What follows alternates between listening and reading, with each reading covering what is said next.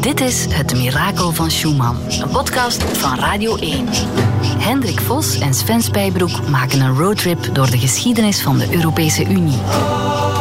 In deze aflevering waarom Europa één markt moest worden. Hendrik vertelt waarom er amper foto's zijn van het akkoord van Schengen. Omdat niemand eigenlijk zich realiseerde hoe belangrijk dat dat uiteindelijk zou worden. We ontdekken hoe het Festina-schandaal blootgelegd werd door de douane. Die ontdekte er al die flesjes en die dingetjes in. En daar is dat Festina-schandaal begonnen. Hendrik en Sven onderbreken Karel de Gucht omdat het eten klaar is. We gaan onze maaltijd verder zetten. Ja, ja, ja, dat dacht ik wel. Ik ga u niet vertellen wat er op het menu staat om u niet jaloers te maken. Ik moet uit de eten omdat het eten klaar is. Hè? En Hendrik geeft zijn bestelling door langs de snelweg in Luxemburg. 800 sigaretten, 400 sigarillo's, 200 sigaren en een kilogram rooktabak. Dat is persoonlijk gebruik. Ja, dat is persoonlijk gebruik.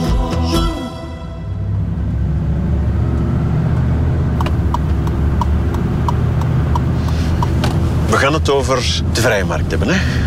Wij zijn dat heel hard gewoon geworden. Zo'n Europa zonder grenzen. Je beseft nog amper dat je een grens overgaat. hè. Je kan het zien op Google Maps en ja, soms voel je het aan de asfalt. Maar wij, wij vergeten dat wij uit een periode komen waarin dat grenzen ertoe deden. Grenzen werden bewaakt in Europa, er stonden slagbomen. Ik zou bijna zeggen, wij waren een hoop Noord-Koreaatjes bij elkaar hier. Hè. Ook na de Tweede Wereldoorlog nog. Hè. Je spullen mocht je niet altijd meenemen naar een ander land. Of je moest daar tax op betalen. Nee, dat is zot, hè? Ja. Grenzen werden gecontroleerd. Hè. Je moest dingen aangeven. De handel was niet vrij. Landen waren eigenlijk nogal op zichzelf. En er stonden douaniers. Hè. Ja. Die, die hielden de grenzen in de gaten, die controleerden mensen, die hielden auto's tegen. En dat ligt allemaal niet zo ver achter ons. En eh, om dat verhaal te vertellen hebben we eerst en vooral natuurlijk een douanier nodig. We hebben nu afgesproken met Roger van den Bulke. En dat is zo'n oud douanier. Die heeft die tijd nog meegemaakt waarin de grenzen bewaakt werden. Oké, en daar zijn we nu naar op weg.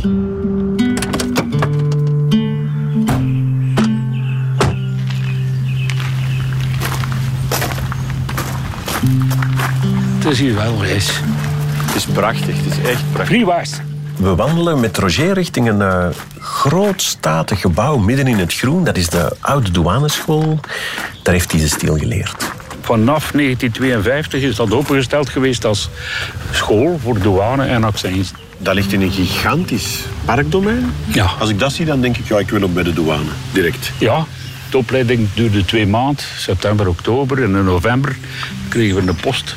Roger kwam bij de douane door zijn vader. Mijn vader was douanier en die heeft de botersmokkel meegemaakt. Tot diep in de jaren 60 was boter in Nederland een pak goedkoper en dus werd er gesmokkeld. Toen ik een jaar of vijf, zes was, woonden wij in Zazaten boven een douanekantoor. En mijn vader die was eh, hoofdbrigadier van de brigade ter plekke. En wat gebeurt er? Dus eh, ik heb van in het begin eh, die zaken meegemaakt. hè. Dus botersmokkel. Bij ons thuis was er eh, een gangsken. Ik zeg, ik ken dat, een gang. Voor de fiets. Voor dat ze met de velo doorgingen. Zo, hè.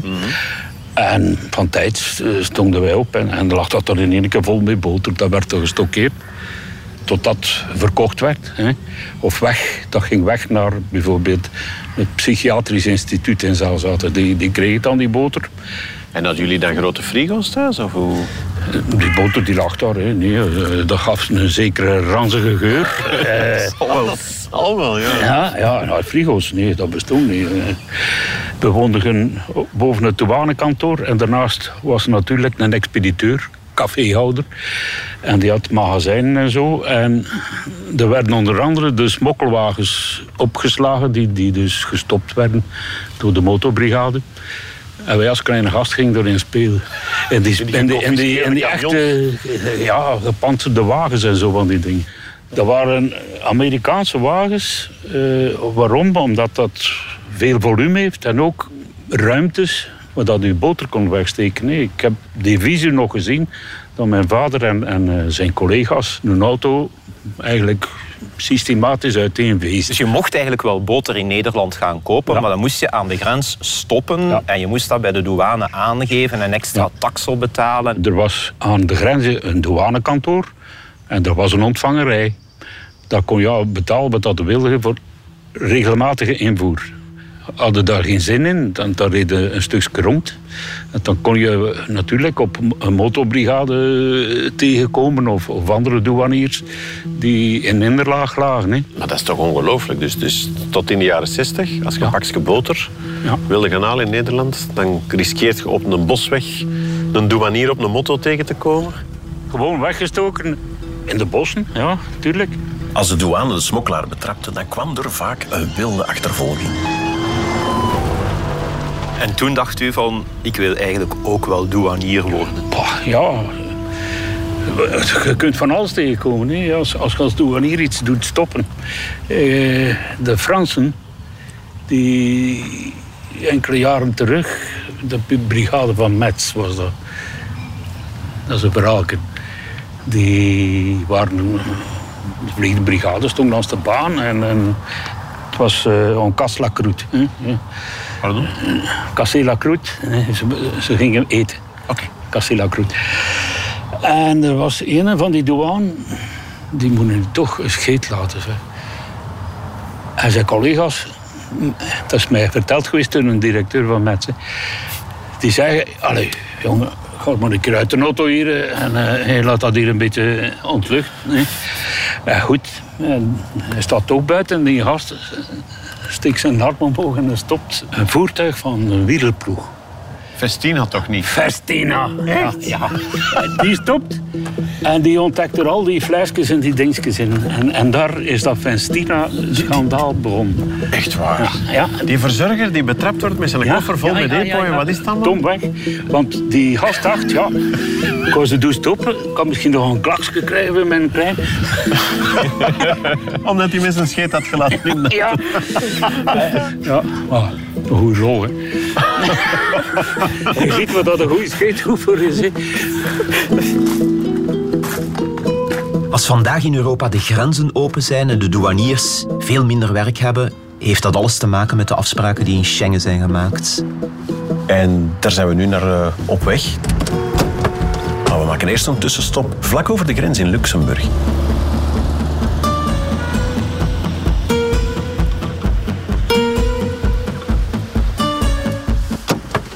Hier zijn we dan, de Erdeberghem. Ja, als je Autoroute Soleil op vakantie vertrekt, iedereen wil naar hier met zo weinig mogelijk benzine, hè? want die is hier goedkoper. En je kunt hier nog van alles tax-free kopen, denk ik. Hoe zit dat precies? Tot in de jaren 80 was dat zo dat je wel spullen mocht kopen voor persoonlijk gebruik. Maar dat was niet zoveel. Bijvoorbeeld, ik denk dat je hier vier flessen wijn mocht kopen, maar niet meer. Als je meer kocht, dan kon dat zijn dat je aan de grens of, of door vliegende brigades werd gepakt. En dan moest je extra ja, die taxen en die btw bijbetalen. En, en En is dat nu nog, als ik hier dingen goedkoop koop? je mag nog altijd voor persoonlijk gebruik dingen meenemen. Maar persoonlijk gebruik wordt nu wel heel breed gezien in Europa. Ja, oké. Wacht, hier is de shop. Ja, wel, ik heb het hier staan. Hè. Ehm, je mag per persoon 800 sigaretten, 400 cigarillo's, 200 sigaren en een kilogram rooktabak meenemen. Dat is persoonlijk gebruik. Ja, dat is persoonlijk gebruik. Je mag eh, 90 liter wijn meenemen persoonlijk gebruik. Ja. Naast die 90 liter wijn mag je ook nog 110 liter bier, 20 liter aperitiefdrank en 10 liter sterke drank meenemen. Ook nog. Eh, allemaal samen, ja. Per persoon, wij zijn met twee, dus we kunnen eigenlijk het dubbele inslaan. Eh 1600 sigaretten, 800 sigarillo's, 400 sigaren, 2 kilo rooktabak, 180 liter wijn, 220 liter bier, 40 liter aperitiefdrank en 20 liter sterke drank. Als je twee kinderen hebt van een bepaalde leeftijd, dan mogen die ook Ja, dat is maal vier. En dan mag je meenemen over de grens zonder dat je extra belastingen, taxen en zo Niks, moet, eh, gewoon moet betalen. vrij verkeer van sigarillo's. Binnen Europa is de norm. We zijn de shop gepasseerd. Dan tanken we nog even vol. Allee, hier zijn we dan, de Telma Louise van Aldi. En we trekken verder, want we moeten naar Schengen. We zitten in de, de Moezelvallei. Onderweg geeft eh, Hendrik weer een staaltje van zijn immense kennis. En hier op eh, de heuvel staan wijnstokken. Dat toeristische rubriek. Schengen, dat, dat zijn eh, twee tankstations, ja, een baan en een paar huizen en, en dat is alles. Ja, ja, ja, ik heb het wel gezien, zeg. Iedereen kent Schengen. In de luchthaven is er de Schengenrij en de niet-Schengenrij. In de Schengenrij gaat het vooruit, je bent zo buiten. In de niet-Schengenrij sta je aan te schuiven, moet je documenten bovenhalen, paspoorten, soms visa. En gaat het langzaam. Het verdrag van Schengen, dat is hier getekend. Ja, op een boot, hier op de, de Moezel. Op een boot. Ja, we zitten nu in Luxemburg, Ja. maar aan de overkant van de Moezel, langs de ene kant ligt Frankrijk, langs de andere kant Duitsland. Dat is een soort van drielandenpunt. Midden in het water. Dat is geen soort van drielandenpunt, dat, is een drielandenpunt. Ja, ja, oké. Voilà, hier, Schengen staat hier op Ah, het Schengen, plakkaat. voilà, kijk. Ja, even parkeren. Mag ik hier parkeren? Ja, zeker. Hier mag je zeker parkeren. Hier is eigenlijk zo weinig volk dat je komt dat je overal kan staan. Oké, goed. Eens gaan kijken. Ah ja.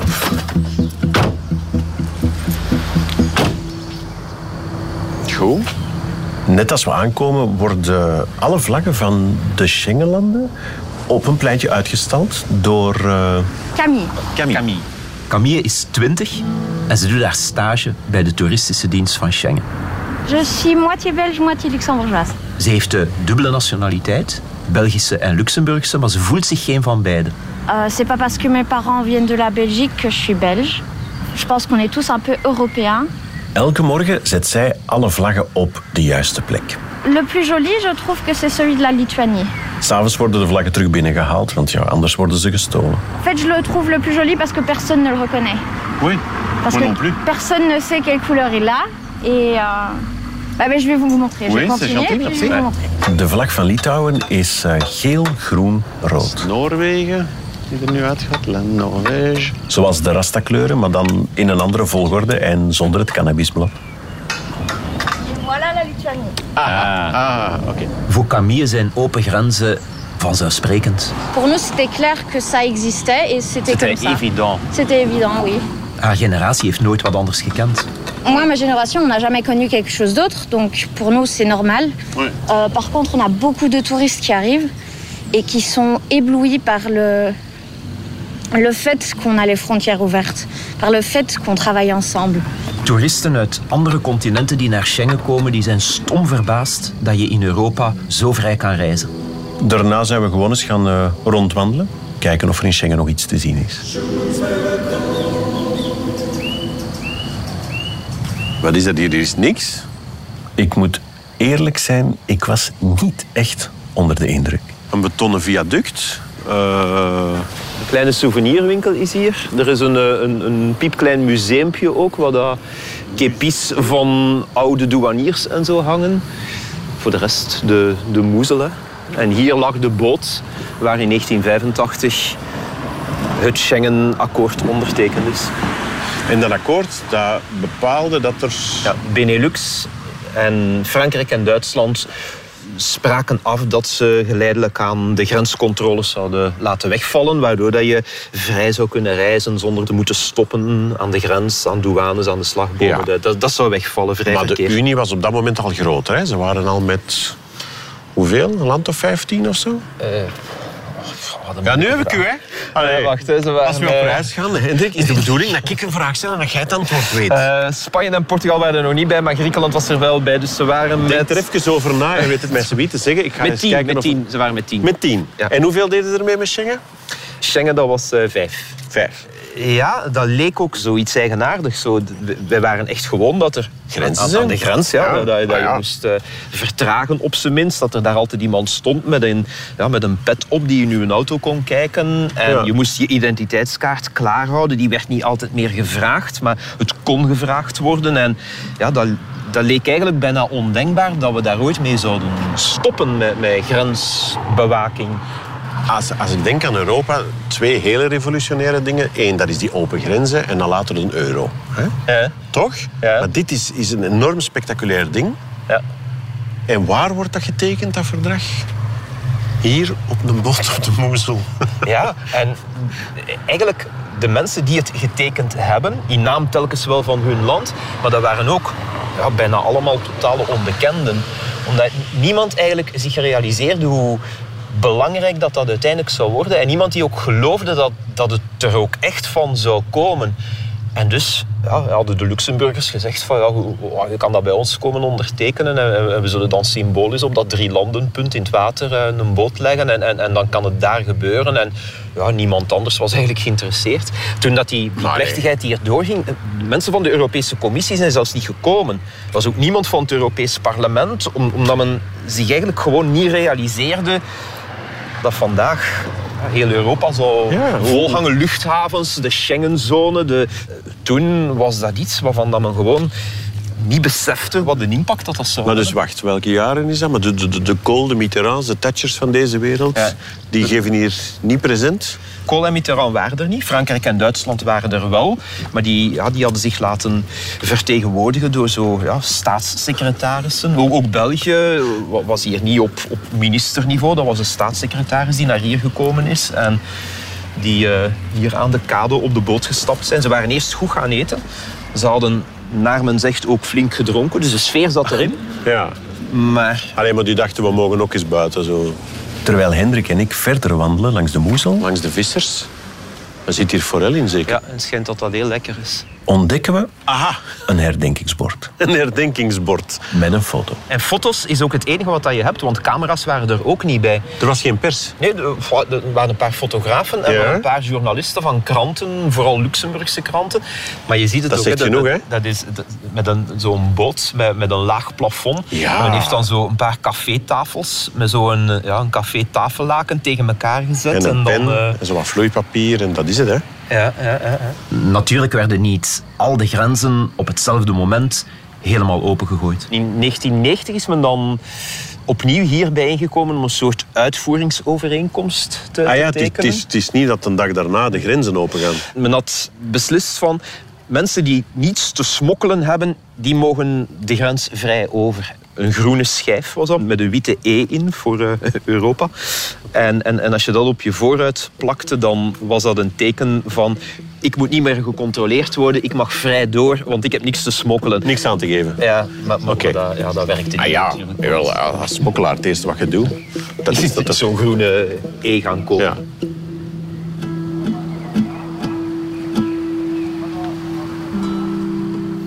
Ja, je begint met iets dat op dat moment eigenlijk heel onwaarschijnlijk lijkt.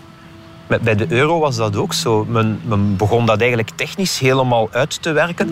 En politici lieten die gouverneurs en economen die lieten die wat doen. Omdat die konden niet geloven dat het ooit echt zou gebeuren.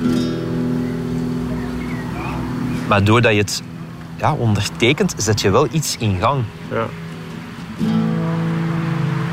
Je, je start ergens iets op en dan ineens merk je van ja, er is geen weg meer terug. Want we hebben dat wel ondertekend. En het was dan misschien wel maar een staatssecretaris. Maar het staat wel op papier, dat engagement, dat we daar naartoe gaan werken. En oeps, je bent vertrokken. Dat is een sneeuwbal die begint te rollen. En, en je kan dat eigenlijk ineens niet meer stoppen. De groep is ook altijd groter geworden. Hè? We zijn vertrokken met vijf, omdat andere landen daar eigenlijk ook niet echt in geïnteresseerd waren. Ook weer omdat ze daar eigenlijk niet echt in geloofden. Nadien eh, hebben de Italianen gezegd van wij doen mee en de Spanjaarden zijn erbij gekomen en de Portugezen. En, en, en ja, het, het is altijd groter geworden. En dan op een bepaald moment zijn er ook landen die niet tot de Europese Unie behoren, die gezegd hebben van ja, maar wij willen eigenlijk ook wel in die, die Schengenzone zitten. Ah, ja. Zwitserland, Noorwegen zijn ook gewoon lid geworden van de Je Schengenzone. zit er daarin. Ja, dus ik eh, kan vrij naar Zwitserland? zonder dat je Ja, nog dat eh, aan de grens gecontroleerd wordt. Alleen vooruit.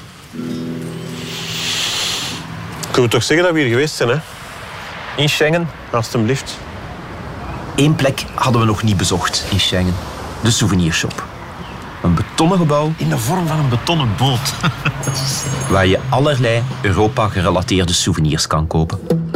Schengen zeep, Schengen eh, vazen, Schengen munt, Schengen bavetjes, speelkaarten, Schengen handdoeken, puzzels, Schengen postkaarten, sleutelhangers, pennen, lappen. Schengen honing. Oh, Schengen badeentjes. bandana's met de Europese vlag, koffietasjes. En allemaal in datzelfde blauw met geel. Ja. De kleuren van de Europese vlag. Heeft de VRT nog budget? Dus, wat hebben we allemaal? Twee eh, eentjes, een postkaart met verdrag van Schengen, een pin. Oh, we krijgen er nog iets bij. Sont des autocollants que vous ajoutez. We krijgen nog stickers van Schengen. Tous 10,05 euro s'il vous plaît. Voilà, s'il vous plaît. Hoppakee. Oh, ik ben er wel blij mee. Geweldig. Moet je echt ook geen paraplu hebben? Dat is zalig, hè? We, we hebben nog een Ja. cd met muziek van Schengen meegekregen. En hierna is het tijd om weer te vertrekken. Schengen, ik moet zeggen, ze doen het wel goed, hè, want er is niks te beleven. Hè. Er heeft ooit een boot gelegen en een paar staatssecretarissen van vierde garnituur hebben hier een papier getekend, maar ze hebben er godverdomme alles uitgehaald wat erin zit. Hè.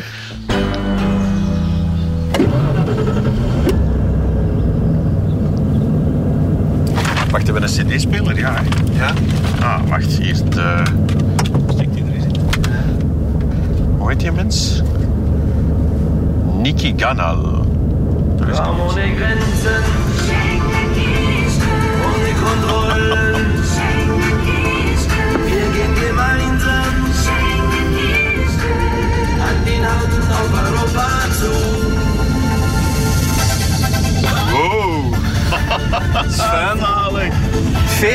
Joe.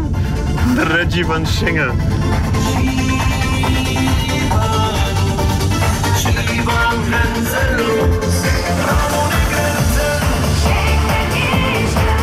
Ik vind het fantastisch. We hebben dat gewoon gratis gekregen. Zou daar de stem van Robert Schumann moeten tussen mixen?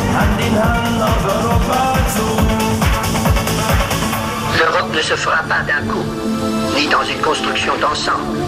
Elle se fera par des réalisations concrètes, créant d'abord une solidarité de fait.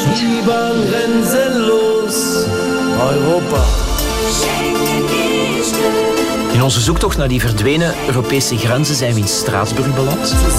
Want daar is in de jaren 80 geschiedenis geschreven. Daar zijn belangrijke beslissingen genomen en we hebben geluk. Want een belangrijke plek, dat was een chic restaurant. We zijn aan de Place Kléber in Straatsburg. We moeten, kijken, we moeten meer naar links. Ja. En daar is het restaurant Au Crocodile. Le Crocodile. Le Crocodile, ja. Het is een chic restaurant.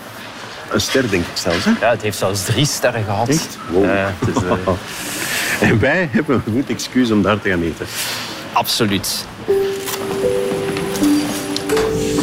Bonsoir. Bonsoir. Bonsoir. Merci. Oké. Dit is de plek waar Altiero Spinelli Ja. kwam vergaderen. Spinelli zijnde de man die ooit op eh Ventotene, het eiland voor Napels, opgesloten zat en daar een soort van eerste draft van een Europese grondwet heeft neergeschreven. Daardoor kreeg Spinelli zo een, eh, ja, een beetje een cultstatus. Hè. Dat, dat, dat was zo de man die nadacht over het Verenigde Europa al tijdens de Tweede Wereldoorlog. En die, die bleef zeker in Italië bleef die ontzettend populair. Hij was een communist, maar ja, hij, werd, hij werd verkozen. Hij, hij werd, eh, ja, die Ja. bleef populair en hij bleef bezig met Europa. Hij heeft ook in het Europees Parlement gezeten. Hè? Verkozen op een, eh, een communistische lijst in Italië en zo eh, hier in Straatsburg beland. Ja. En hier kwam hij eten. Dat is een beetje een heel chic restaurant voor een communist, vind ik nu eerlijk gezegd. Eigenlijk wel, hè. maar hij was op dat moment al oud. Hij was ja, al een krasse zeventiger. En ik denk dat hij doorheen de jaren zo de betere keuken stilaan wel begon te, te appreciëren. Het is een meneer die ons iets wil vragen. Monsieur, bonsoir, bienvenue. Souhaitez-vous commencer par un apéritif Merci. Die periode, jaren 70, begin jaren 80, ging het niet goed in Europa. Heel dat project was gestart in de jaren 50. En het was de bedoeling dat Europa één markt zou worden, dat de barrières zouden wegvallen, dat iedereen vrij zou kunnen reizen. Maar in, in de praktijk, dat, dat kwam er niet van. De spelregels die waren vastgelegd in de verdragen van Rome, die waren blijkbaar te stroef, want landen bleven toch overal barrières opwerpen en die slagbomen die waren niet weg en Europa was niet eengemaakt. Het was toen dat dat parlement, dat voor de eerste keer rechtstreeks verkozen was, waar het idee leefde van wij, wij hebben andere spelregels nodig. Maar dat, dat was nog nooit gebeurd, zo andere spelregels vastleggen. En iedereen keek een beetje naar iedereen. Dan moeten we dat doen. Ja. En toen zei Spinelli van, ik, ik ga gewoon ja, het initiatief nemen. Ik ga mensen samenroepen over alle partijgrenzen heen en over verschillende landsgrenzen heen. En ik ga die bijeenbrengen en we gaan praten over ja, hoe gaan we Europa redden. En met negen mensen zijn ze toen, begin jaren tachtig, hier in de Krokodil samengekomen. Maar die groep werd al snel veel groter. Na een paar maanden waren ze al met, met meer dan 70. En daar zaten bijvoorbeeld Karel van Miert bij. Tindemans, onze vroegere premier, die eh, in 1979 bij ons toen een miljoen voorkeurstemmen gehaald had. Mr. Europe werd hij genoemd in België. De dochter van Paul Henri Spaak was erbij. En zij dachten allemaal samen van hoe, hoe gaan we ja, Europa nieuwe spelregels geven, zodat ja, Europa kan doen waarvoor het dient. Hè. De grenzen weghalen, zorgen dat dat één unie wordt, met een parlement dat dan ook echt veel te zeggen zou hebben. En weer het idee van Spinelli, Europa heeft een grondwet nodig. En dat idee is hier gerijpt. En ze hebben daar toen maandenlang over gediscussieerd. En dat was eigenlijk wel in een, in een sfeer van... We zijn hier goed bezig. En het enthousiasme was ook heel groot. Zo het gevoel, die parlementsleden dachten...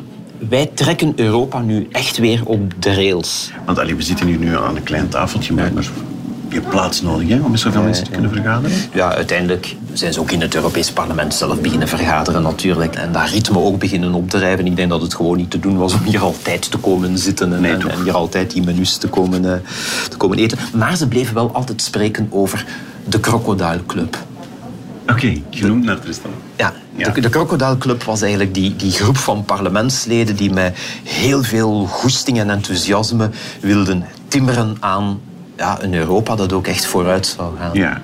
Is er ook iets van gekomen? Is het gelukt? Wat is het resultaat? Wel, op Valentijnsdag 1984 is er een stemming geweest in de plenaire vergadering. Men noemde dat de Spinelli-resolutie. En dat was een volledige set met nieuwe spelregels. En het parlement zei van wij zouden willen dat deze nieuwe spelregels voortaan ja, gelden en dat we Europa op deze manier gaan organiseren. En die tekst is uiteindelijk aangenomen met een hele grote meerderheid. 237 parlementsleden die daarvoor stemden, 31 die er tegen stemden. En er waren nog wel wat onthoudingen, maar de sfeer toen in dat parlement, die moet revolutionair geweest zijn.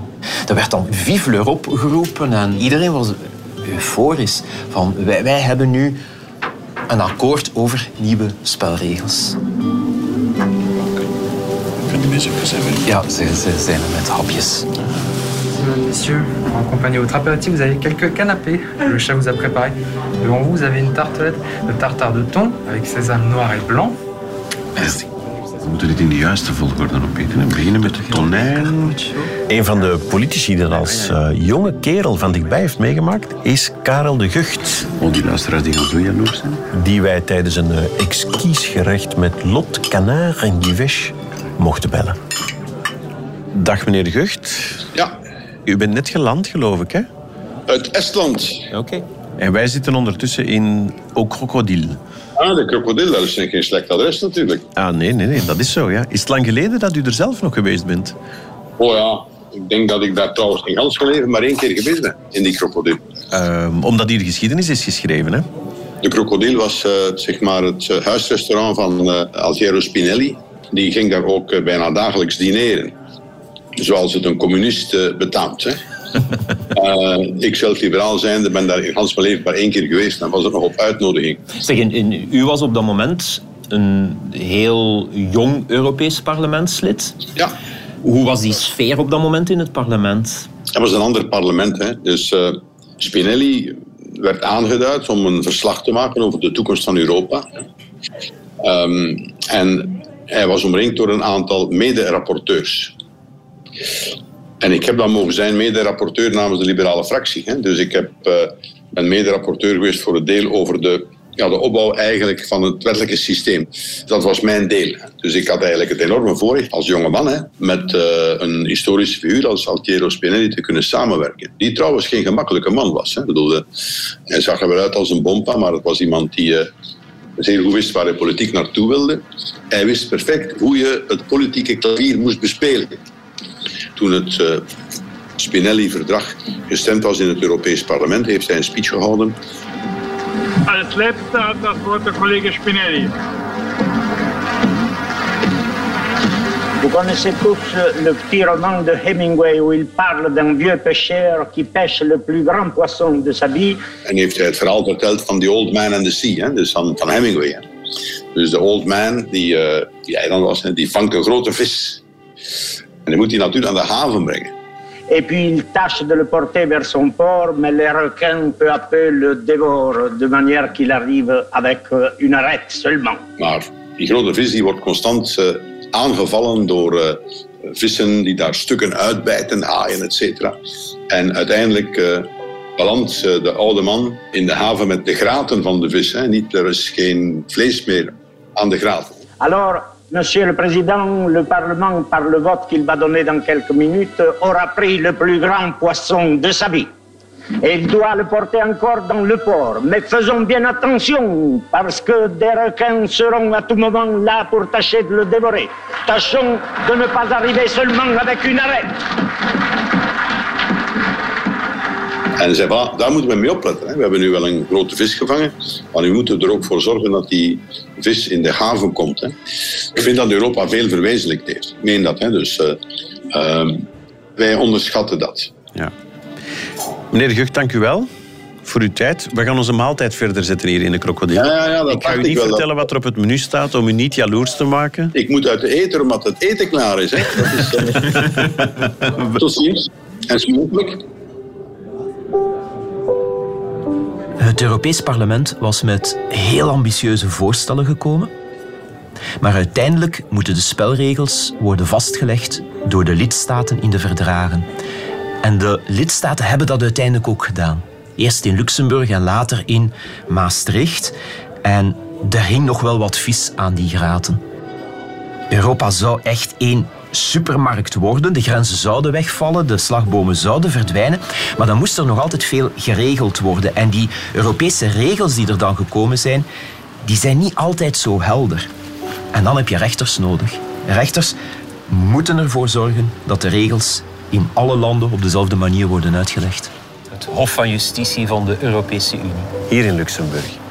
Er is ondertussen een hele hoop Europese wetgeving. Hè? Ik heb ergens wel eens gelezen, dat is, wat is het, 80% van onze wetten die wij in België toepassen, dat zijn eigenlijk toepassingen van Europese regels. Klopt dat? Uh, dat zal toch wel iets in die buurt zijn. Hè? Heel veel van onze afspraken en onze regels zijn op een of andere manier beïnvloed door wat Europees beslist is. En als dat Europees beslist wordt met zoveel lidstaten, zoveel Europarlementsleden, dat is altijd heel veel discussie. Die maken compromissen. En soms om, om iedereen aan boord te krijgen, houden die dingen wel eens vaag. En vaagheid, dat geeft aanleiding tot discussies en voilà. geschillen. En voor je het weet sta je voor de rechter hier? Ja, precies. Meestal ga je dat dan eerst bij een nationale rechter proberen te winnen. Maar zo'n nationale rechter die zegt dan van ja, ik weet het ook niet. Hè, want het gaat over Europese wetgeving. En die vragen dan een advies. Maar dat is wel een bindend advies van de Europese rechters. Maar die wetgevers in het Europees Parlement en zo nog redelijk vaag laten, dan moeten die rechters hier wel knopen doorhakken. Eigenlijk komt dat daarop neer. Hier Ja. worden heel belangrijke, ja, soms heel principiële beslissingen genomen. Hendrik vertelt mij dat eh, de slagbomen verdwenen zijn en dat de handel vrij is, maar dat er nog altijd wel uitzonderingen zijn. Landen mogen bijvoorbeeld hun grens dicht houden als er risico's zijn voor de gezondheid of voor de openbare zedelijkheid. En dat gebeurde in de jaren tachtig in een arrest over opblaaspoppen. Ken je opblaaspoppen? ja, ik ken opblaaspoppen. Oké. Eh, Het was een, een, een Duitse firma die dat maakte en, en die wilde dat invoeren in Groot-Brittannië. En de Britten zeiden van nee, dat, dat kan niet zijn. Opblaaspoppen, dat is vies. Maar bleek dan, in Groot-Brittannië, in Londen en omstreken, vond je wel opblaaspoppen, maar die waren allemaal van Britse makelij. En Aha, eigen pop eerst. Ja, voilà. Daar kwam het En, en dat soort zaken komt dan hier in Luxemburg terecht? Die zeiden toch van ja, we, we gaan dat eens moeten bekijken. En die hebben vastgesteld van ja, eigenlijk wat de Britten zeggen, je, je moet consequent zijn. Ofwel roep je de openbare zedelijkheid in, maar dan mag je ook geen Britse opblaaspoppen in je winkels leggen. Ofwel laat je die Britse poppen wel toe, maar dan moet je niet meer afkomen met die openbare zedelijkheid. En dus, die Duitse poppen moeten daar ook kunnen verkocht worden. En sindsdien vind je op de, ja, in de betere speciaalzaak zeker, eh, Britse en Duitse opblaaspoppen vrolijk naast elkaar. Daar regelt het... eh, de rechters van het Hof van Justitie. En de grote baas van heel dat Europese Hof van Justitie is een Belg. Koen Leenaerts, dat is de slimste mens ter wereld. Die spreekt eindeloos veel talen en die kent, naar mijn gevoel, alle arresten die ooit door dat hof zijn uitgesproken uit zijn hoofd. Is zijn kantoor zo helemaal, helemaal, helemaal bovenaan in die toren? We zullen zien, hè. Natuurlijk wordt zo'n gebouw ook bijzonder goed bewaakt. Bon, we zijn aan de ingang. Monsieur, bonjour. Nous avons un rendez-vous à monsieur Lennart. Na enkele veiligheidsscans, identiteitscontrole, materiaalcontrole en het toegewezen krijgen van een permanente security escorte, worden we opgewacht door de opperrechter himself, Voilà. Koen Leenaerts. Als ze het hof aankondigen, dan wordt er hier dus een, een belletje. Het zal misschien zelfs gaan. Ik ga het nu eens doen. Hè. Dat is dus de aankondiging dat het hof gaat buitenkomen. En dan roept dus de huissier, iemand die verantwoordelijk is voor het protocol van de hoorzitting, die doet de deur open en roept in de procestaal het hof af. Hij zegt dus bijvoorbeeld het hof, als de procestaal Nederlands is. Maar dat kan ook zijn Abireuzaak. En dat is de uitspraak in het Hongaars. En natuurlijk moest Sven zelf ook een keer op het belletje duwen. En nog een keer. Het is goed, want anders... Het is wel een beetje een lelijk belletje, vind ik. Op de zevende verdieping komen we een enorme zaal binnen die uitkijkt over heel Luxemburg. En er is ook een enorme wand met allemaal gekleurde ruggen van boeken. Dat zijn alle arresten die het Europees Hof ooit heeft geveld in alle Europese talen. U moet de zaal echt eens beschrijven ook. En de grote ovale tafel waar 45 mensen kunnen rondzitten. En waar men dus... ehm, Het is een gigantische ovale tafel. Ja, ja. nooit dat, zo'n grote dat tafel komt gezien. omdat er één rechter is per lidstaat. En er zijn nog 11 advocaten-generaal. Dus dat is 27 plus 11. Dat zijn 38 leden van het Hof. Plus de secretaris-generaal die de titel van griffier draagt. Dus wij zitten hier met 39 mensen rond. Mhm. Maar moesten er terug een paar eh, uitbreidingslanden komen. Dan is de zaal nog groot genoeg. Ah, de tafel is op de groei gekocht. Een klein beetje wel. Aan deze tafel bespreken de rechters alle zaken die voor het Hof voorkomen. Het Hof is eigenlijk een microcosmos van de Europese Unie in haar geheel. Wij werken zoals de Unie ook werkelijk is. Wij komen allemaal uit een ander rechtssysteem. Wij hebben allemaal onze eigen geschiedenis, cultuur, taal, opvattingen, overtuigingen, dragen dat mee en brengen dat open, transparant en te goeder trouw in, in de vorming van een synthese waar iedereen eigenlijk van zegt, bon, eh, moest ik het alleen moeten doen, zou ik het misschien zo niet gedaan hebben, maar ik zie het belang van iets samen te doen en dan is dat wel de weg. Dus dat is eigenlijk de geest waarin het Hof in die heel moeilijke dossiers met 15 rechters tot een besluit komt. Dus wij ademen voor een stuk de geest van de Unie en haar waarde uit. Dat is de bestaansreden van het Hof.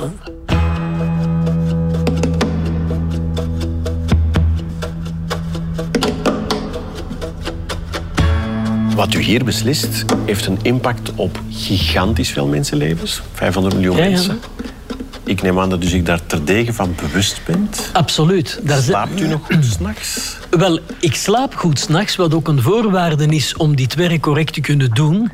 Maar ik zal je niet verhelen dat er bepaalde dossiers zijn waar ik eh, serieus mee bezig ben. Er zijn er waar je werkelijk zegt, hier kan men zeer, zeer overtuigend in verschillende richtingen gaan. En ik geef daarvan een concreet voorbeeld. Ik zal een terugvraag stellen. Wat is een echtgenoot? Eh, en ik neem aan dat u doelt of dat dat een man of een vrouw kan zijn om te beginnen. Ja. Of iemand waar je belooft dat je de rest van je leven mee samen blijft. En wat is samen blijven? Eh, wel. Is dat onder één dak? En... There we are. Ja. Wat was er gebeurd? Een Roemeense man, ik mag zijn naam noemen, want hij staat erop dat de, naam, dat de zaak onder zijn naam bekend staat. Koman genaamd, C-O-M-A-N, leeft samen met zijn partner, een Amerikaanse man. Koman Hamilton wonen in Brussel, waar hij werkt als Roemeen, migrerende werknemer, Uniburger. Zij trouwen, zij huwen naar Belgisch recht. Na een tijd wordt meneer Koman teruggeroepen door het hoofdhuis van zijn werkgever om de carrière in Boekarest verder te zetten. De Roemeense overheid weigert aan Hamilton een verblijfsvergunning te geven. Zeggend, die man van wie jij beweert dat het je echtgenoot is, dat is onmogelijk. Want volgens de Roemeense grondwet is het huwelijk de sacrale unie tussen een man en een vrouw. Zo staat het erin. Ja. En dus Dus huwelijk hij wordt afgewezen, want die Amerikaanse burger heeft geen recht om te verblijven in Roemenië. Het koppel vecht dat aan tot voor het grondwettelijk hof van Roemenië. En daar komt hun advocaat op de prop met richtlijn, Unierecht, 2004 38. En dat is de richtlijn over het vrij verkeer van Unieburgers en hun gezinsleden. Eerste gezinslid vermeld, de echtgenoot. Niet gedefinieerd. En vervolgens de partner die dus samenleeft met een samenlevingscontract volgens het recht van de gastlidstaat. Ik bespaar u de details. En het Roemeense grondwettelijk hof stelt aan ons de vraag: wat is een echtgenoot in de zin van die richtlijn? Want als meneer Hamilton onder de definitie valt, dan heeft hij uiteraard recht op verblijf, krachtens het Unierecht in Roemenië. En die vraag is hier op tafel gekomen. En dan ga je zoeken in de voorbereidende werken van die richtlijn. Denkt u helemaal niet dat de wetgever aan de problematiek van huwelijk tussen mensen van het gelijke geslacht niet gedacht heeft? Ze hebben er uiteraard aan gedacht, meer zelfs. Het hele ontwerp van richtlijn is ongeveer een klein jaar blijven vastzitten in het wetgevingsproces, omdat men uit die vraag niet geraakte. En op de duur heeft de wetgever gezegd: This is as good as it gets. We gaan het nooit beter kunnen maken. We nemen dit aan en als er ooit een vraag rondreist, dan zal het Hof van Justitie die term wel definiëren. Verklapt u ons even het vonnis? Ja, dat is niet verklappen, dat staat op het internet. Ja. Het is een arrest van 5 juni 2018 dat je onder de naam en de datum vindt. Eh, Dus ons arrest heeft gezegd dat de lidstaten weliswaar elk voor zich bevoegd zijn om hun familierechtelijke keuzes te maken. Dus wat is een huwelijk, wie kan met wie huwen enzovoort. Maar wanneer eh, een huwelijk rechtsgeldig voltrokken is in een lidstaat, dan moeten alle andere lidstaten bij gebruik maken van het recht op vrij verkeer die huwelijkse staat erkennen.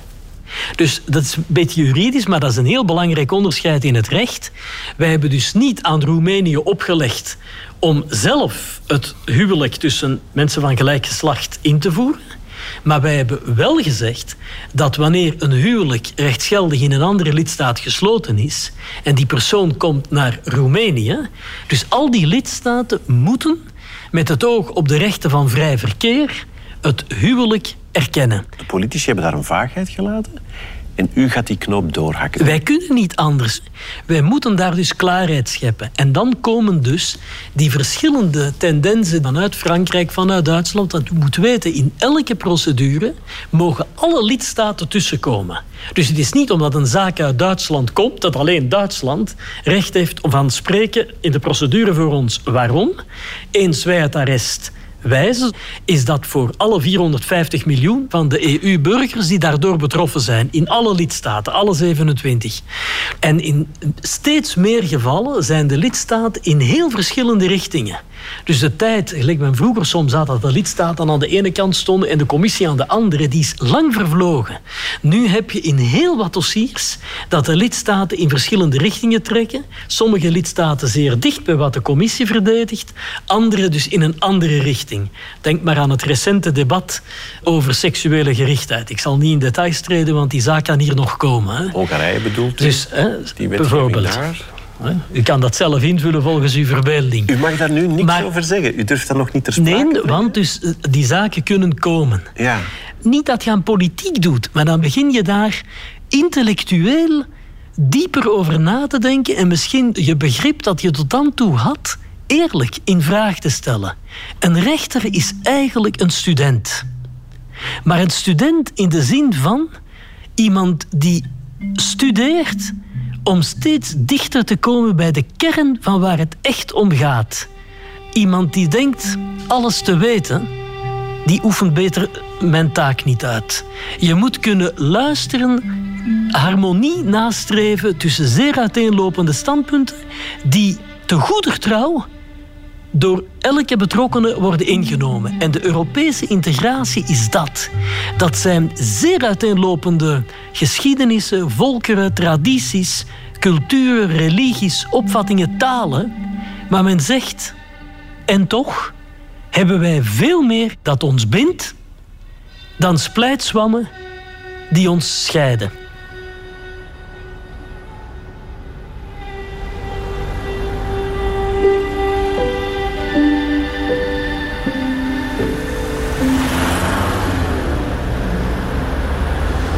Voilà, hier staan we terug buiten. Hè. Ah, wel, ik moet zeggen, Hendrik, ik vond het echt indrukwekkend. Dat is imposant. Ja, maar niet alleen dat gebouw, maar ook wat Koen Leenaert zei. Ja. En en weet je Sven, ik zit aan nog iets te denken. Ja? Het mirakel van Schumann, hè? Het idee van Schumann zou heilig verklaard kunnen worden als er een mirakel gevonden wordt. Ik denk dat, dat ik iets weet. ik ga een brief schrijven naar het Vaticaan.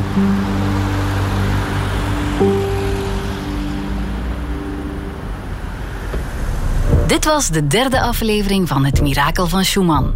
Een podcast van Radio 1 in samenwerking met het Europees Parlement. Je vindt meer van de roadtrip van Sven en Hendrik op radio1.be en in de Radio 1-app. In de volgende aflevering vertellen Hendrik en Sven over het ontstaan van één Europese munt. Ze bezoeken de uitvinder van de euro, zien de gevolgen van de eurocrisis in Griekenland en Hendrik heeft iets te bekennen aan Mark IJskens. Professor Vos heeft ooit al bij u aangemeld. Hier aan de deur? Ja, 35 jaar geleden? Misschien 40. Is dat waar? Man lief. In welke hoedanigheid? Vond je deze podcast interessant? Luister dan zeker ook naar Het Geheugen van de Mug. Een podcast met historische verhalen die de geschiedenisboeken nooit hebben gehaald, maar te leuk zijn om niet te vertellen.